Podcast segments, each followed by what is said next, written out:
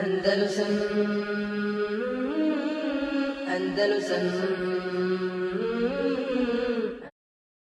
يا أرض أندلس الحبيبة كلمي إني بكيت على فراقك فاعلمي لم تسيني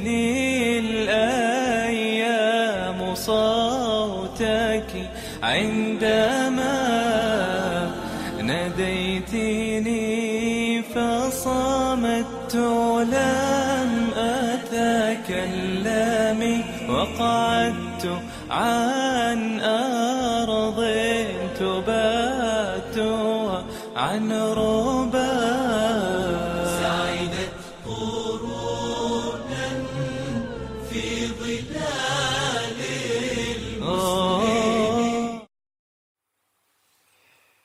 ono što se desilo u Endelusu.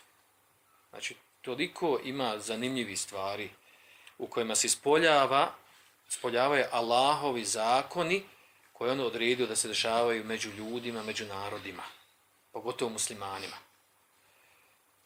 Znači, od osvajanja, oslobađanja, ustrajnosti, uzvisivanja, pada i svih ti detalja između se. Od vladara i namjesnika, vojskovođa, učenjaka do običnih ljudi. Znači, dovoljno da, jel, da ovdje, kada govorimo o tim, da kažem, jel, a, ko je od nas čuo za bitku Vadi Birbat? Gdje se ona desila? Što je ona zanimljiva? E, što bi trebali muslimani da je znaju? Odnosno, u čemu je riječ? Riječ o, o presudnoj bitci sa kojom su muslimani oslobodili Andalus i osvojili ga, koje je predvodio Tarih bin Zijad. Gdje se ona desila, na kom mjestu, kakav je omjer bio vojski, koliko ona bila značaj, šta to znači kod muslimana u sljedećim bitkama u istoriji. Ko je od nas čuo za bitku Darir? Bitku koja se upoređuje sa bitkom na Jarmuku i Kadisije, a desila su Endelusu. Malo prije sam spomenuo ono poznato, rašireno, o čemu se piše i prenosi spaljivanje lađa od strane Tarki Benzijana. Je to istina je laž? Šta je cilj sa tom pričom? Ko je proširio? Ko je čuo za Abdurrahmana Ed-Dahila? Jednog od emevijskih prestolo nasljednika ili iz porodice Emevija koji je uspio da se sačuva od Abasija koji su došli na vlast. I naša utočište u Endelusu i uradio ono što je uradio, koji je uradio čudo, da je s pravom nazvan od njegovog najvećeg protivnika Abasijskog halife Ebu Džafera Mensura, da je on Sakro Korejš, Soko Korejšija. To znači to je veliki apetit. Znači osoba koja sama dođe u jedno mjesto, jednu državu, nađe načina sa ciljem da očuva krv muslimana, da dođe na vlast, da uspostavi vlast, da riješi sve razmirice, nesporazume, sukobe unutarnjim muslimanima, ojača državu, okupi učenu, učenjake, razvije znanje, nauku, tehnologiju, proširi islamsku državu, vrati kafire na početni položaje kada su već počeli da nagrizaju endel, e, mladu endelesku državu. Što je priča za sebe, znači, ko je čuo za ovog čovjeka? Za koje kaže, jel, da on nije došao u Endelus, znači, nakon nekih 40 godina postanja Endelusa, znači, Endel, znači, muslimani u Endelusu završili svoju priču.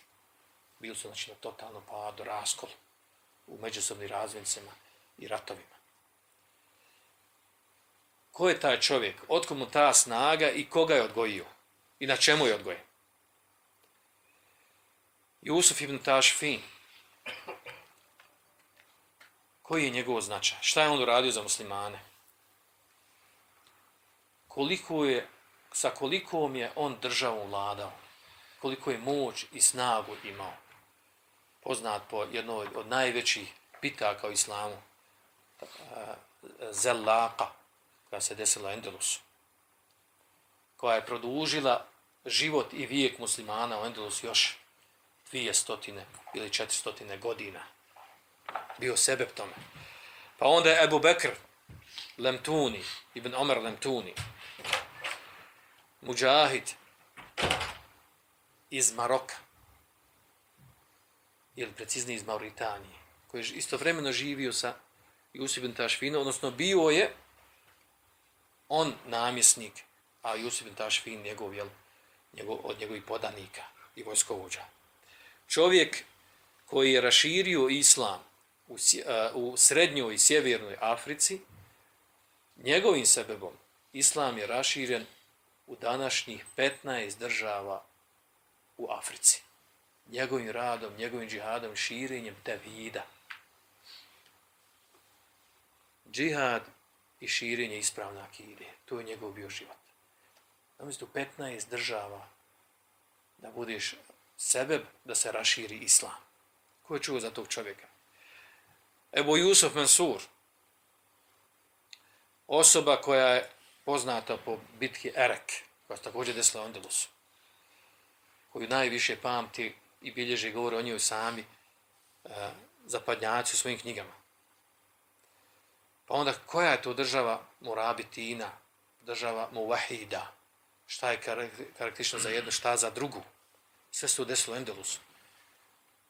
To je toliko ibreta i događaja i pouke u tome, da kada bi iščitavali o, to, o tome, razmišljali i ponavljali te lekcije, vjerujte, ogromno bi znanje stekli. Narodno ispoznanje izvora i, e, i, i ispravni zaključaka izvečeno iz onog što se dešava. Jeste li čuli za mešćid u Kurtubi? Kakav je to bio mešćid? Najveći mešćid koji je postojao u muslimanskom svijetu, veličinom. Koliko je mogao, moglo muslimana dođe, da dođe u njih da klanja. Kako je taj mešćid pretvoren, on dan danas postoji. Možemo otići samo kao, da, kao turisti da ga vidimo.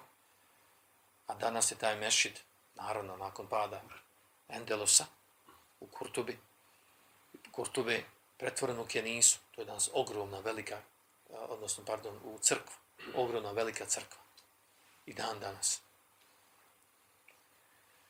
Kako se to desilo? Također, ogromna, veliki mešid u Išbili. Jednom, također, jedan od tri najveća grada u Endelosu. Kada govorimo o Endelosima, to je, znači, sinonim za kulturu, civilizaciju, knjige, nauku, književnost i sve ostale nauke. Zapad je progledao kada su preuzeli nešto od islamske kulture i civilizacije Zendelusa, pa se pojavio preporod renesansa u Italiji na zapadu. Oni su procvjetali kad su samo nešto ukrali od muslimana. Ovo ne, ne kažem ja, ovo su govorili njihovi istoričari. Kada su preuzeli ono što su muslimani sačuvali, sakupili od ostalih civilizacija i kultura. Mi nismo svjesni veličine islama i muslimana i istorije ovog umeta. I koju snagu imamo.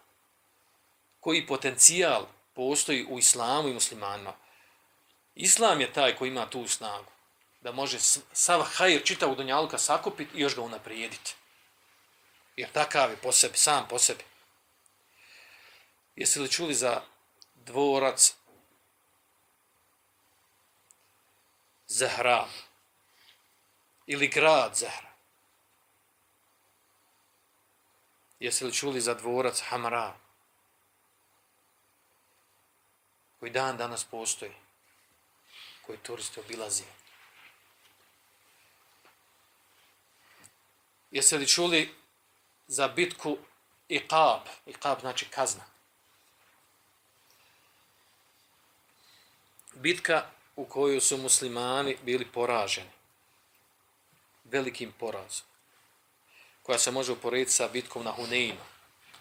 U toj bitki,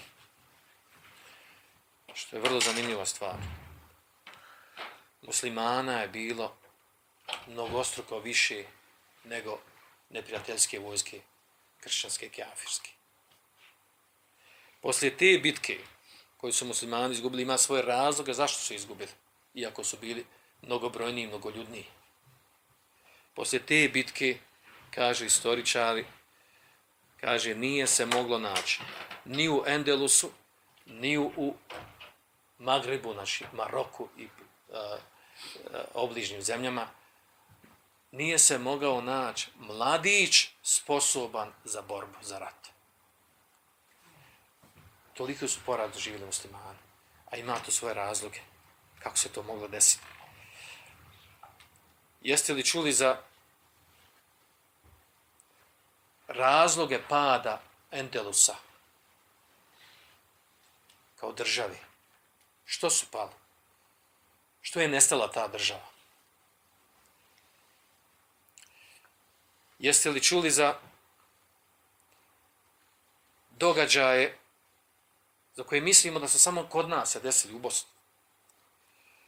Da je u gradu Berbeštar,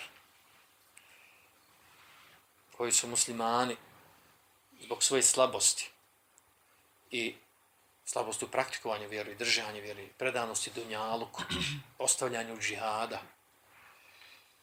predali grad jedan kršćanima, gdje im da ema, eman, sigurnost, da im se neće ništa uraditi.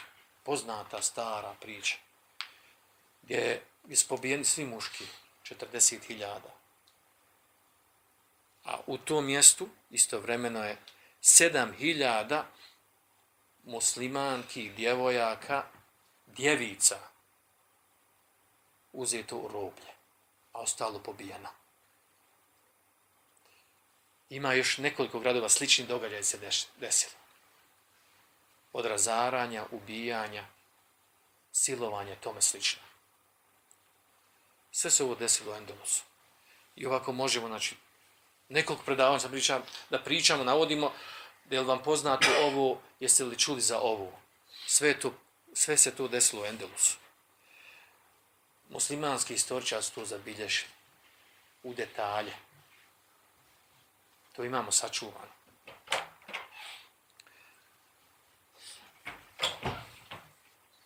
I namjera mi je uz Allahovu pomoć da pokušamo bilo šta od ovoga da spomenimo i da uzmemo ibret iz toga. A prije toga, imamo jedan krupan problem. A to je da odgovorimo na pitanje zašto su muslimani podigli svoje sablje, poslali svoje vojske u oslobađanje Endelusa. Prije Endelusa, zašto su muslimani oslobodili Sjevernu Afriku? Zašto su oslobodili Šam, Palestinu, današnju Jordan, slične države Siriju. Zašto su oslobodili Irak? Zašto su osvojili Perziju? Što su to muslimani radili? Otkud im pravo da čine agresiju na druge države? Nama je poznata ženevska konvencija u koji, znači, ovaj međunarodni, znači, e, međunarodni zakon današnji nakon drugog svjetskog rata, koji tretira e, napad na susjednu državu, šta, činom agresije. Zabranjeno, nije dozvoljeno, gdje se odmah sa druge strane pokreće, jel, čitav svijet, pod navodnicima, ako, ako se to ocijeni agresijom. Opće poznat zakon, znači, po ženevskom konvenciji i drugim konvencijama koje su sklopljene, napasti susjednu zemlju, znači učiniti čin agresije, uplitanje u tuđe unutrašnje poslove i tome slično. Zbog ovoga danas imamo nakaradno, neistinito i pogrešno tumačenje istorije Islama. I zato o tome treba progovoriti koju riječ. Optužen je Islam da se proširio sa sabljom. A kažu, u Kur'anu imate vi muslimani, la ikrahe fid din. Nema prisile u vjeru. Znači, ne, ne kaže nema prisile u vjeri. U vjeri ima prisile. Roditelj može prisiliti dijete, e, muž može prisiliti ženu, namjesnik može prisiliti svoje podanike. Nema prisile u vjeru da se ne musliman prisili da bude musliman. Ajte, kaže, ja sam. A muslimani su sa sabljom širili islam. Odgovor na ovo, naravno, možda je mnogim vama poznato, ali nažalost, danas se u, u islamskoj literaturi, u medijima, u kojima se govori o islamu, ova stvar pogrešno tumači, čak suprotno od onog istinitog. Naravno, naj, naj, najjednostavniji odgovor na ovo da znamo da u islamu postoje dvije vrste džihada. Džihadu def i džihadu taleb. Džihad def, džihad odbrani. Kada muslimani brane svoje mjesto, svoju državu, svoj grad, svoj pokrajinu gdje živi. Samo odbrana. Oko te vrste džihada ili borbe uglavnom nema nema nekakve rasprave i problema. To je opće prihvaćeno kod svih ljudi i naroda i po ovim konvencijama koje su spomenuli, da onaj koji bude napadnut, da ima pravo da se brani. Druga vrsta džihada, džihadu taleb ili džihadu dava. Džihad taleba, džihad u kojima se traži neprijatelj u njegovom domu. Ili džihad dave, džihad radi dave, radi širenja islama. To je druga vrsta džihada.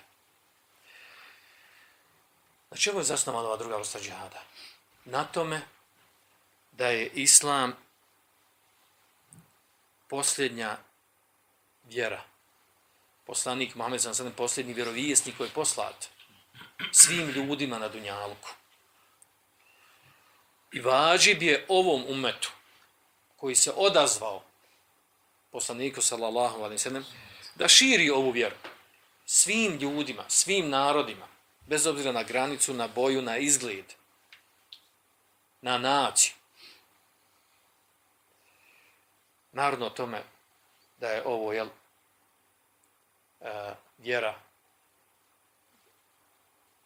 u kojoj je vađiv svi ljudi da uđu sa pojavom Muhammeda sallallahu alaihi sa pojavom Islama, oko toga nema potrebno da navodimo argumente, to je uopće poznata stvar. Ali jedna je bitna stvar ovdje da naglasimo u kontekstu ove optužbe e, muslimanima, prema muslimanima. Kaže Allah šanu, وَكَذَلِكَ جَعَلْنَاكُمْ أُمَّتًا وَسَتًا I mi smo također vas učinili srednjim umetom, kunu tekunu šuhedale nas, da bi vi bili svjedoci protiv drugih ljudi. Kako će musliman biti svjedoci protiv drugih ljudi? tako što će u svom mjestu, posvijet se ibadetu, mešćidu, klanjanju, učenju Kur'ana, ne, sa širenjem Islama, da odu i ponude drugima Islama sa dajama, učenima, ako ne mogu, spriječi im se, a spriječi im se, i on ne mogu učeno ime u osnovi, onda se vodi džihad. Svjedoci smo sa džihadom. Povede se džihad, osvoji se određeno mjesto, ponudi se tom stanovništvu da primi islam ili da ostane na, na, na svojoj vjeri. Bilo kojoj. I onda imamo huđet protiv njih. Tako svjedočimo protiv njih.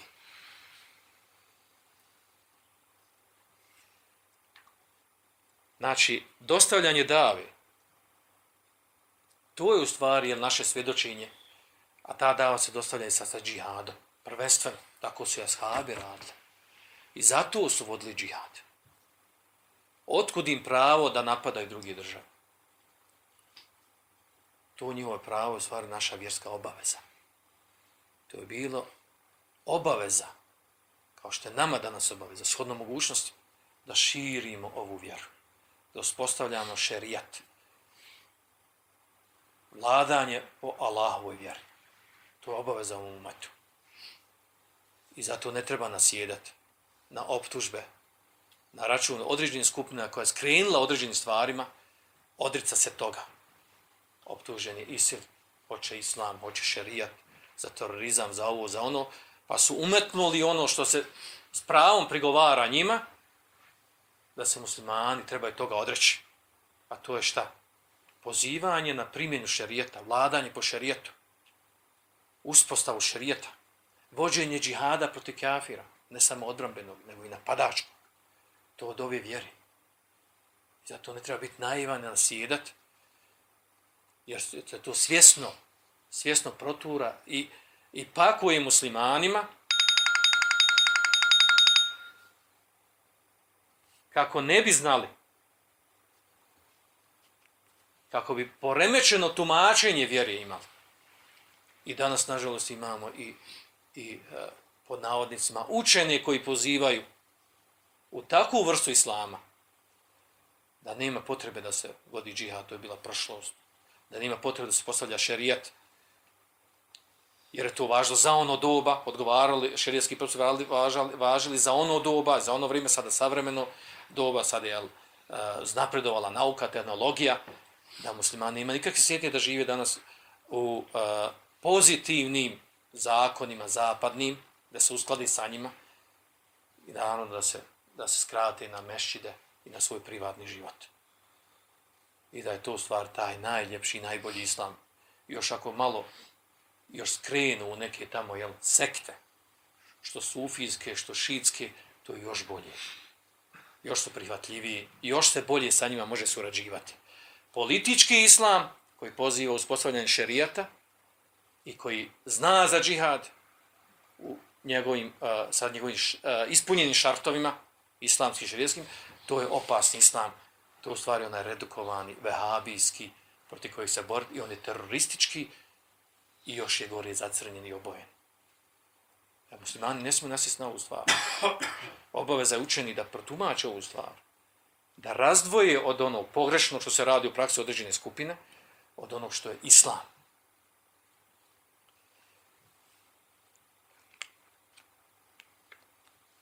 Muslimani se ne bore protiv ljudi kao ljudi. Niti je cilj ratovanja da bi nekog ubijali. Muslimani se bore da bi proširili vjeru. To su radi ashabi.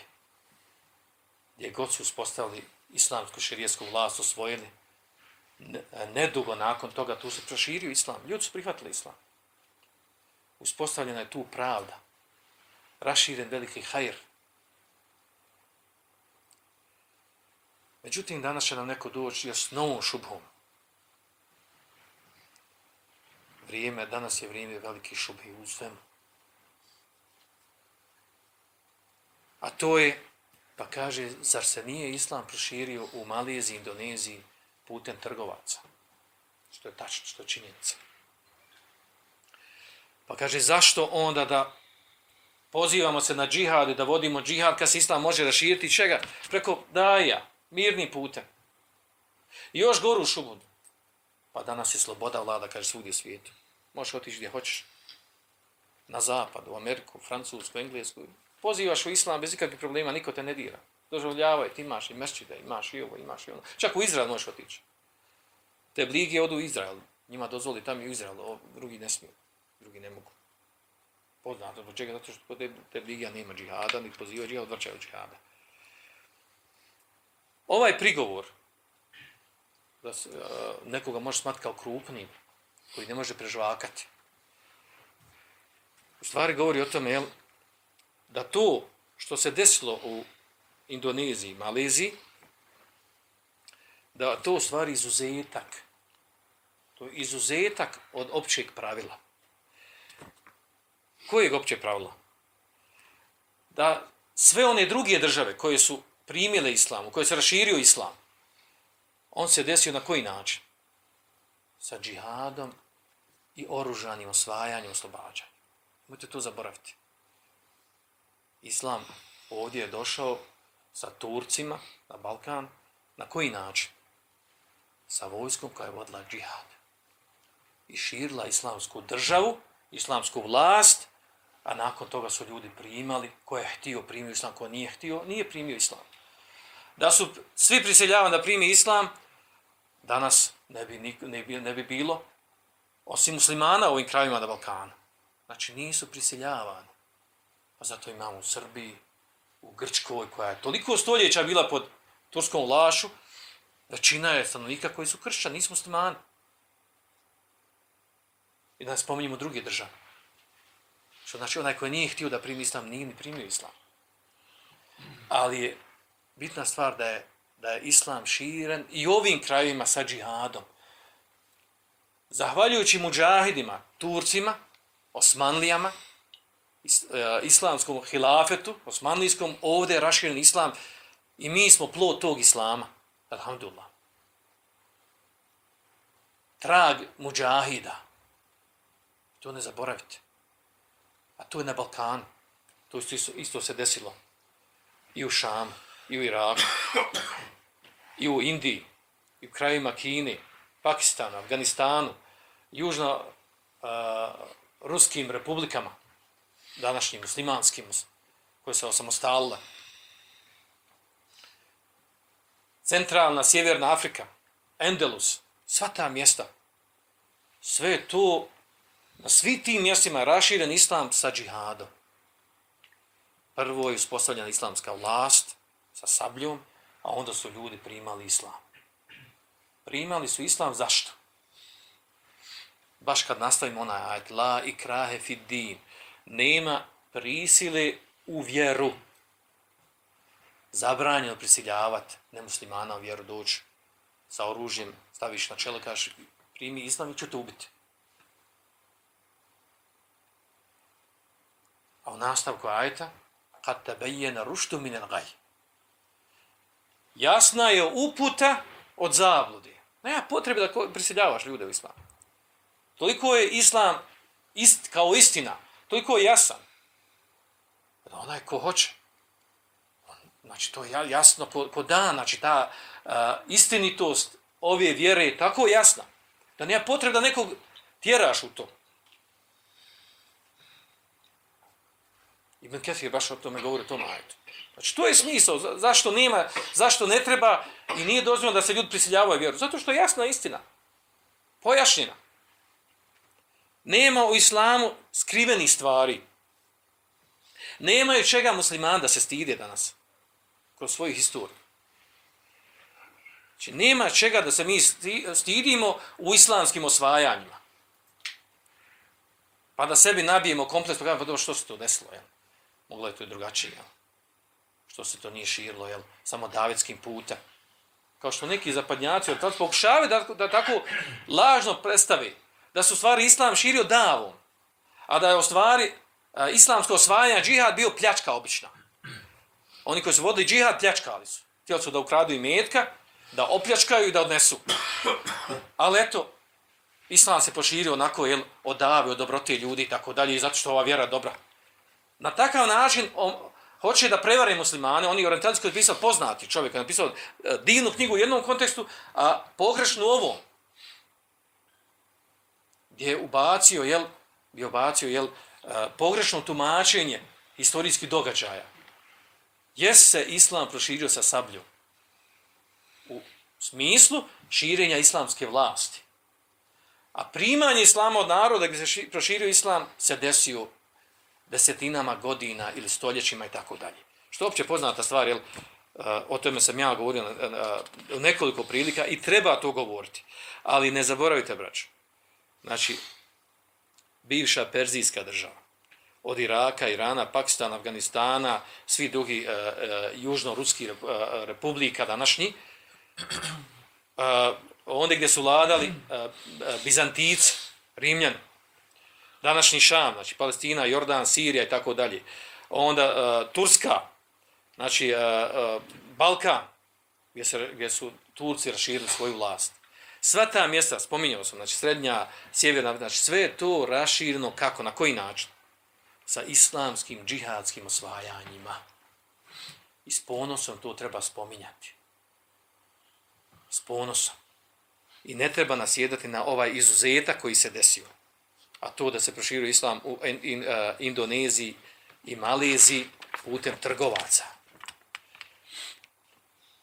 Ne trebamo se obmanuti time što danas postoji sloboda u zapadnim zemljama, pod navodnicima sloboda, govora, sloboda širenja ideja, medija i tome slično, jer je ta sloboda lažna.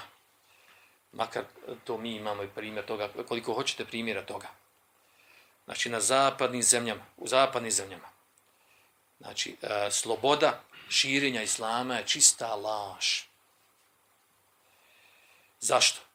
Zato što muslimane puštaju da praktikuju i primenjuju od vjere samo onoliko koliko ne narušava interese te države.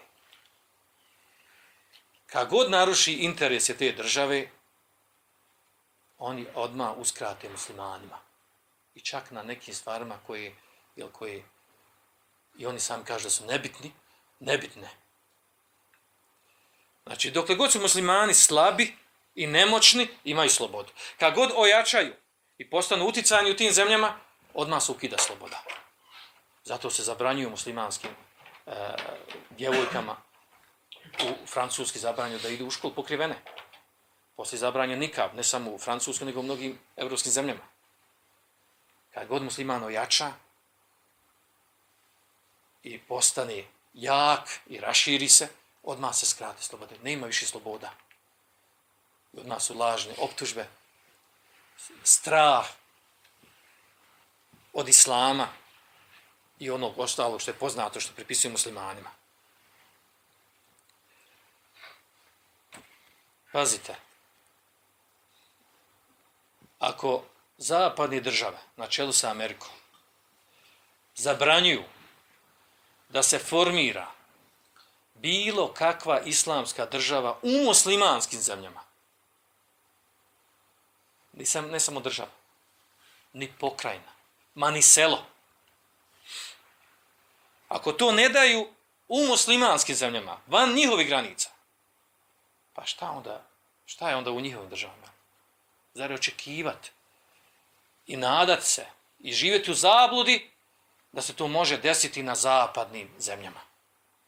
kao što neki kažu, jel? Kad Njemačko samo fali, kaže, još da uspostavi šerijat, kaže, no, svi žive, jel? I Njemci su toliko blizu kao, jel, Islama. I on čak primjenjuju, jel, istražuju Islam i Kur'an. Znači, ako oni sprečavaju, sjetite samo primjera Sudana. Sudan je objavio da, uspo, da će uspostaviti šerijat u nekoliko pokrajina svojih, nekim pokrajinama, ne ono južnoj, tamo jel, je problem sa kršćanima. Digao se kijamet od strane Amerike i drugih država. I ne samo to, nego bombardovali. I nisu to, nije im se dozvolilo to da uradi. Muslimanska zemlja. Nad muslimanima. A tako i druge države ne spominjamo primjera. Znači, ako oni to ne daju u muslimanskim zemljama, na način kako to radi. Pa kako onda očekivati jel, unutar njihove države? A to nas navča na ovu prvu, prvobitnu stvar. A to je da propis džihada, znači on traje do sudnjeg dana. Zato učenjaci u fiskim knjigama kažu, i akideskim knjigama, el džihadu madin ila jomil qiyam. Džihad će trajati do sudnjeg dana ne misle ovde o džihadu odbranbenom. To je u, fitri ljudi, u prirodi ljudi, neko te napadne ti se braniš. To djete se rodi, zna se brant, hajvan se rodi, zna se brant, kada ga neko napadne. Onaj koji se ne brani, znači to ima devijaciju određenu. Nije, nije u redu to, to biće. Nego ovdje je riječ o džihadu, dave i taleba. Ja ejhellezina amenu qatilu allazina yalunukum min al-kufar. O vjernici borite se protiv onih koji su vam blizu od kafira. yajidu fikum ghilza. I neka nađu u vama kod vas žestinu, oštrinu i snagu. Ajte u sur tevbe. Muaz ibn Džebel je vršio dijalog sa bizantijskim vojskovođom u Palestini. Pa mu kaže ovaj vojskovođa bizantijski kaže da mi samo reci jednu stvar. Što ste vi došli da se borite protiv nas ovdje u Šamu, nas, Bizantice, koji smo jaka država, i to znate. A imate dol bliže, imate dol druge države, ili pa Komora, imate tam uh, Habeše, imate Abe, a, a, Abesinju.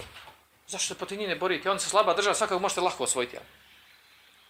Pa mu kaže Muaz ibn Džebel, ovaj ajet koji smo malo prije rekli.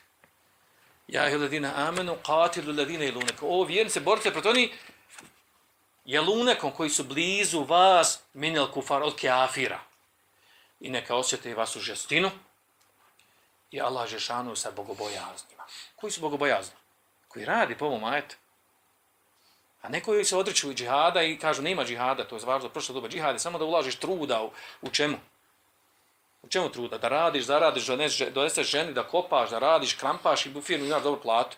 To je danas džihad, kaže. Nema džihada, sam izmišlja kakav džihad. Nema džihada. I te mjeri smo smani, znači, znači poniženi, da ni svoju vlastitu vjeru ne razumiju. Da se stide svoje istorije, da nakaradno tumače i da su došli drugi da im tumači vjeru. A tako jasnih ajeta i hadisa. Qatiluhum hatta la takuna fitna wa yakuna dinu kulluhu lillah. Borite se protiv njih, koga kafira, mušrika, nemuslimana. Sve dok ne nestane fitne. Šta je fitna? Širk. Dok nestane širka i kufra. I dok ne bude sva vjera pripada Allah Žešanu. Znači, muslimanima je naredba s ovim ajetom. A ima je dva ajeta u tom kontekstu da šire vjeru, da se postaje čitav dunjalku. Da se islamsku vlast. Ko će primiti islam, budem dobro jest. Ko neće, uspostavili smo šehadit nad njim. Pa onda kaže poslanik sam selem, hadisu mu tefak alihi, umirtu en uqatilen nas. Naređu me na je da se borim protiv ljudi. Hata ješhedu, sve dok on besvedoči, da nema drugog Boga osim Allah Žešanu i da sam ja Allahu poslanik i Allahu rob, I kaže šta još? O yuqimu salat wa yutu zeka. I dok ne da, da obavljaju namaz i daju zekat. Umirtu an uqatila. Naređujem da se borim protiv ljudi. Ne kaže naređujem da, da vršim davu, da pozivam, nego da se borim. Tumačenje ovog hadisa jasno. U, u, u knjigama koje komentaršu ove hadise. Prvi učenjac koji su komentarsali ovo, govori o džihadu. Obavezi džihada za širenje islama.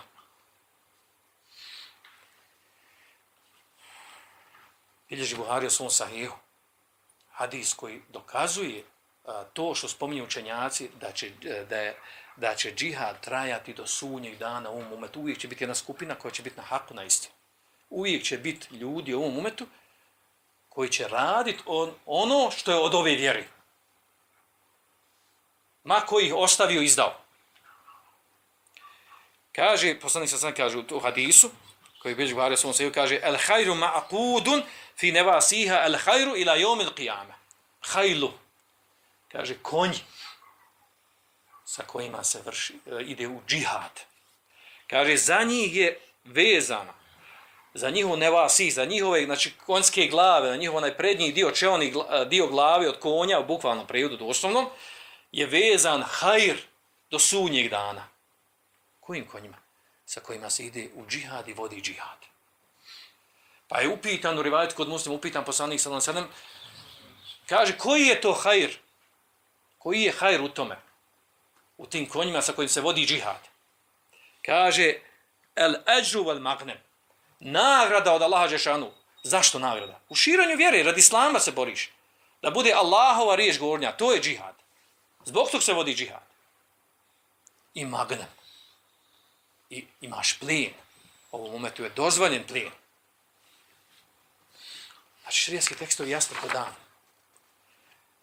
Nakaradno to naći to u stvar, znači, bježati od, a, od činjenica i istine sa kojom je došla ova vjera. Naravno, ovo, ovo se kad spušta stvar muslimana vraća na njihove mogućnosti. Fetakullah meste tato. Bojte se Allaha koliko možete. La yukellifullahu Allahu nafsan illa vus Allah te reče nikoga preko njegove mogućnosti. Kad nismo mogućnosti da ovo izvršimo ovu obavezu, držimo se ajeta koji govori o čemu, kao kaže mi temi. Dođe u ovom umetu period kada ne mogu raditi po ajetima džihada i borbe, uspostavljanja islama, šerijata. Onda rade po ajetima, govori o saboru i pripremi. Lau aradu l'huruđe la a'addu lahu l'udde. Da su htjeli da izađu u džihad, pripremili bi se za džihad. Muslimani hoće da vode džihad, pripremili bi se za džihad. A ovo je odgovor stvar za munafike. Zato trebamo bježati od ove osobine munafika. I još gori munafikluk. Kao što je spomenuto u vjerodoslovnom hadisu. U kojem je došlo spomenuto je, da je da je osobina onih da imaju znači dio nifaka u sebi na fikluka koji sebe ne postiču na džihad. Od Ebu Hurri radijallahu anhu se prenosi za poslanik sam rekao hadis koji bilježi muslim svom sahiju da je rekao kaže men mate u lem jagzu onaj ko umri i nije bio u džihadu, nije vodio džihad. Volem ju hadith nefsahu bihi i nije svoju dušu posticao, odgajao na džihad i želju za džihadom. Kaže, ma ta'ala šubet minifak. Umrijeće sa dijelom nifaka u sebi. A tu se vraća na onaj ajet. Lau aradu l'huruđe la addu lehu udda. Da su htjeli izaći u džihad, pripremali bi se za njega. Zato se treba duhovno pripremati. Imanski, znanjem. Nema džihada bez znanja. Ne može se sa džehlom voditi džihad. Mora se izučiti. Mora se znati propisi džihada. Džihad ima svoje pravila. Ima svoje propise. Nije to kako se tebi i meni čefne. To ima da se strast ufati za vrat. O tome treba izučavati i učiti. Prije nego što se to desi. Subhanak Allahumma wa bihamdika ashhadu an la ilaha illa anta astaghfiruka wa atubu ilayk. بالله زرت المغاني مرة عرج على أهلي هناك وسلمي. كانوا الملوك كانوا الملوك على الزمان وقارنوا